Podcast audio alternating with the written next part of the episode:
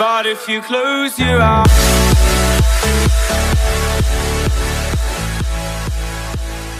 אוקיי, okay, חברים, אנחנו מתחילים את הפרק השלישי שלנו בעונה השלישית שלנו של סביבה מנצחת, 3-3. זה הולך להיות היום פרק מיוחד, אנחנו הולכים לדבר על נושא, האמת שאני נחשפתי אליו לאחרונה, וזה נקרא למידה. אני כתלמיד בתיכון, ביסודי, לא הייתי לומד יותר מדי, ואחד הדברים שמצאתי ללמה לא למדתי זה כי זה לא כזה עניין אותי. אבל רגע לפני שנדבר על כל נושא של למידה ושל זיכרון, שזה נושא שאתם שואלים אותי הרבה, בעיקר בגלל כל נושא של קריאת ספרים, שזה משהו שאני ממליץ עליו כל הזמן, כי אנשים שואלים אותי, מתן, איך אתה מטמיע את החומר? אז אנחנו נגיע לזה בהמשך, אבל רגע לפני אני רוצה להציג את עצמי למי שלא מכיר אותי, בטעות, שמי מתן היסטור, ואני המרצה שלכם להיום.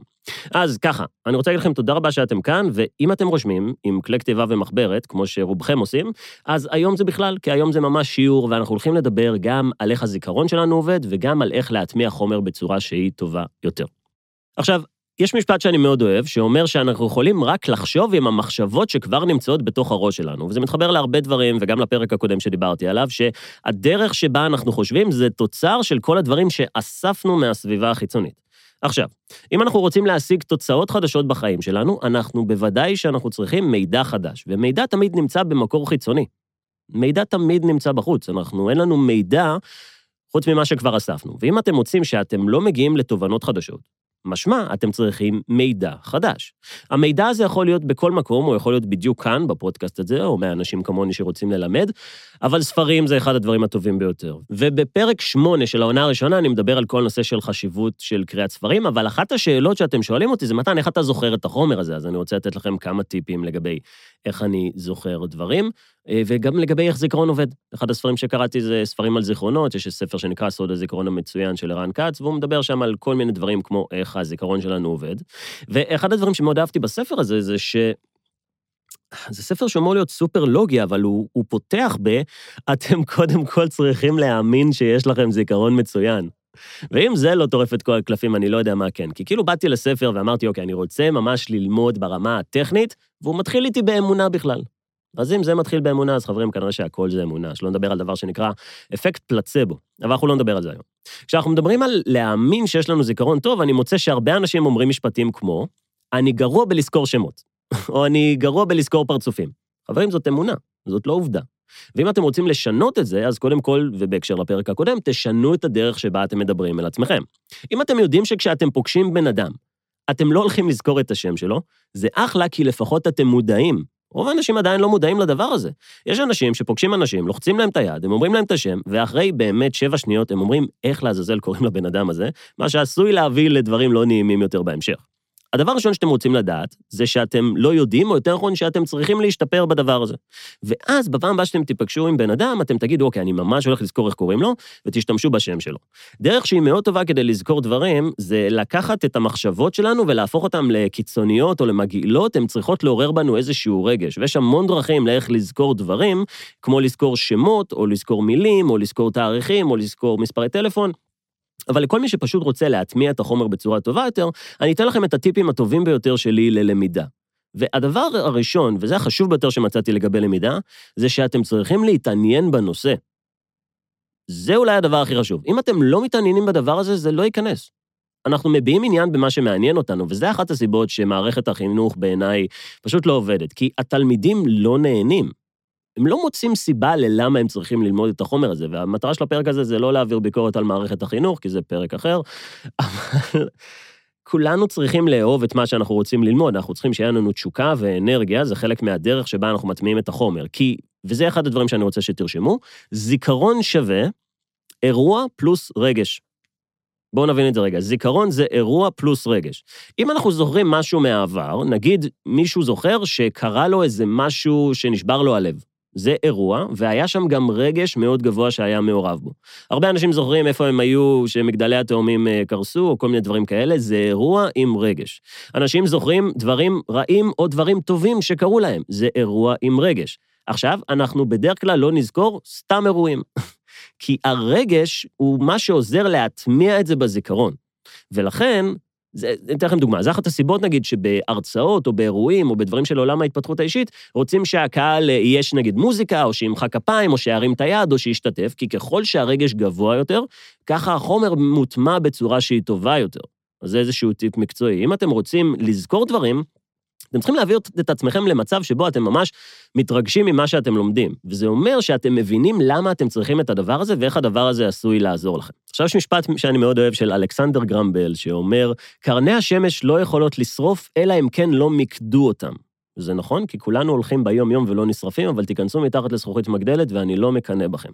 וזה אומר שאם אתם באמת רוצים ללמוד, אתם צריכים להיות במה שנקרא פוקוס. אתם צריכים להיות בתוך הדבר הזה ללא הסחות דעת. ולכן הטיפ הנוסף שאני אתן לכם, מעבר ללהפסיק להגיד לעצמכם שיש לכם זיכרון גרוע וללאהוב את מה שאתם רוצים ולהבין למה הדבר הזה הולך לעזור לכם, זה שאתם צריכים להתנתק. היום המכשירים הסלולריים זה אחד הגורמי אה, קשב וריכוז הגדולים ביותר שיש לנו, זה הדבר שגורם לאנשים להיות הכי פחות פרודקטיביים, זה פשוט דופק לאנשים את המוח. אני לא נגד הדבר הזה, אני חושב שזה מאוד עזר לנו להתקדם, ויש לזה המון יתרונות שהדברים נעשו מהירים יותר, או שאפשר להעביר מידע אחד מהשני.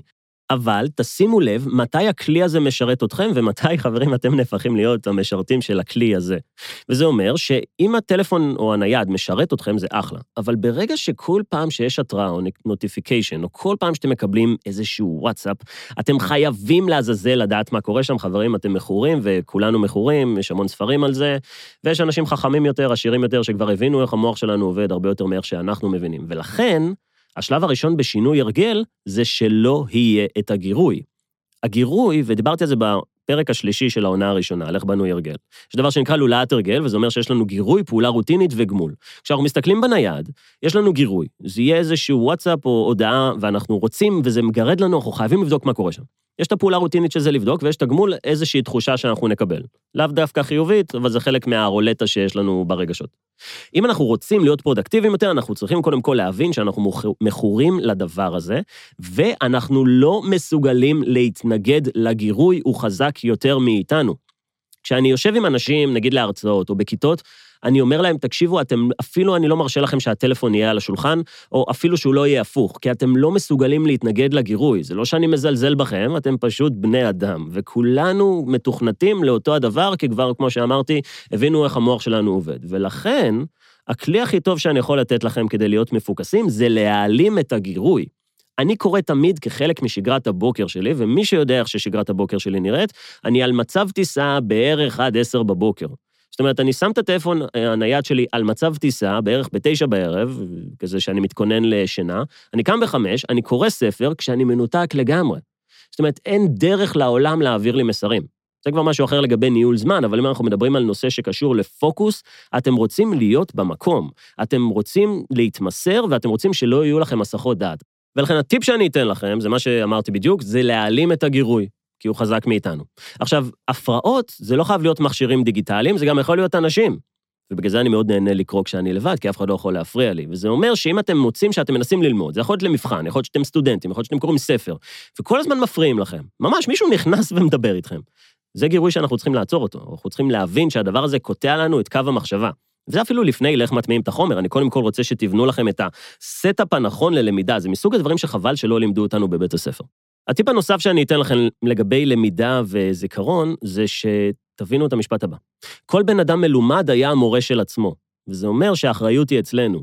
כולכם צריכים להיות אחלה בללמוד, בלהיות גם התלמיד וגם המורה. שזה קצת כמו להיות עצמאי, שזה להיות גם העובד וגם הבוס. במילים אחרות, אתם רוצים להעביר לעצמכם חומר ולזכור אותו, ואם המורה שלכם, בתיכון, בבית ספר או באוניברסיטה, היה אומר לכם מדי פעם, תן לי סיכום על הספר הזה, יכול להיות שזה מה שאתם צריכים לעשות. יש דרך ללמוד, וכשאנחנו מסכמים דברים, וזה הדרך שבה אני עושה כשאני קורא ספרים, אני מסכם לעצמי את הספר. אני אסביר לכם בדיוק איך אני עושה את זה. קודם כל, כשאני קורא ספר, אני משתמש עם האצבע שלי כדי לעבור על המילים. זה חלק מהדרך כדי לקרוא בצורה שהיא מהירה יותר, כי האצבע יכולה לזוז מהר יותר מהעין, והעין לפעמים יוצאת מהפוקוס. אז גם כדי להגביר את הקצב קריאה שלכם, תשתמשו ממש באצבע שלכם, כשאתם קוראים, תלכו עם המילים ועם השורות. כשאני רואה איזושהי שורה שאני ממש אוהב, אני משתמש במרקר, ואני ממש ממרקר בתוך הספר שלי, כל הספרים שלי ממורקרים. אחרי זה גם כשאני רוצה לרפרף בספר הזה, אני מסתכל על המרקורים, כי העין מתמקדת בחלק הזה. אם אני ממרקר משהו, זה אומר שזה משך את תשומת ליבי, וזה אומר שזה מעניין. ואם זה ממש מעניין אותי, או אם זה ממש גרם לי לחשוב, אני ארשום את זה על דף. וזה אומר שתמיד כשאני קורא ספר, או כשאני לומד משהו, אני עם מחברת או עם דפים. ואני בסוף, כשאני אסיים לקרוא את הספר הזה, אני אקח את כל הדפים שהצטברו, ואני ממש אקליד את זה במחשב כסיכום. ואז יהיה לי סיכום של הדבר הזה. אבל זה לא מסתיים שם. אם אתם מכירים אותי, אתם יודעים שאני גם מעביר הרבה תוכן, הרצאות, אני עומד מול קהל, אני כותב מאמרים ואני עושה פודקאסטים, וזה אומר שאני משתמש במה שלמדתי כדי להטמיע את זה בצורה הכי טובה, שזה ללמד. ואם אתם באמת רוצים לזכור משהו, אתם רוצים להעביר את זה הלאה. אתם רוצים ללמד אנשים. אתם רוצים שתהיה לכם פלטפורמה או חבר, שאתם מספרים אחד לשני מה למדתם. כי אם קראתם ספר של 200 עמודים, ואז אתם צריכים לספר למישהו על מה הספר הזה בדקה, הצלחתם לתמצת את הדברים החשובים ביותר לידי דקה, וככה עושים את זה. בסוף מכל דבר שאנחנו לומדים יש את השורה התחתונה, או יש את הטיפים, או יש את הקו המנחה. בהרבה ספרים אפשר באמת לתמצת ספרים, אבל חלק בעיניי מהחוויה של לקרוא ספרים או של ללמוד, זה שזה מכניס אותך לתוך עולם של דמיון ושל מחשבות, וזה גורם לך להתחיל לחשוב.